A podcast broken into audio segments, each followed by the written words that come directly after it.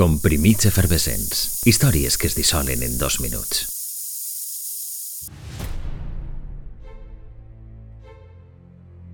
El tercer acte estava a punt d'acabar quan el cor del director va dir que ja estava bé.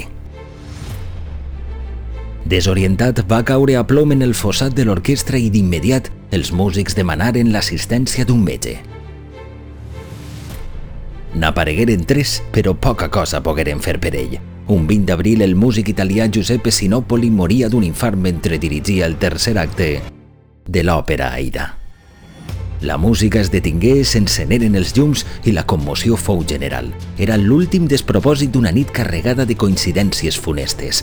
Aquella Aida que es representava no era sinó un homenatge pòstum al director d'escena Gotch Friedrich, amic personal de Sinopoli, que havia faltat mig any abans.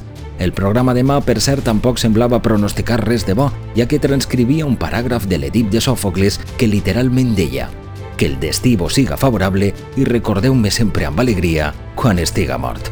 Casualitats inquietants a les que havia d'afegir-se l'estat de salut dels intèrprets. El tenor Gegan Grigorian caigué malalt i hagué de ser substituït, i la soprano Daniela Desi decidí cantar tot i patir una severa infecció intestinal.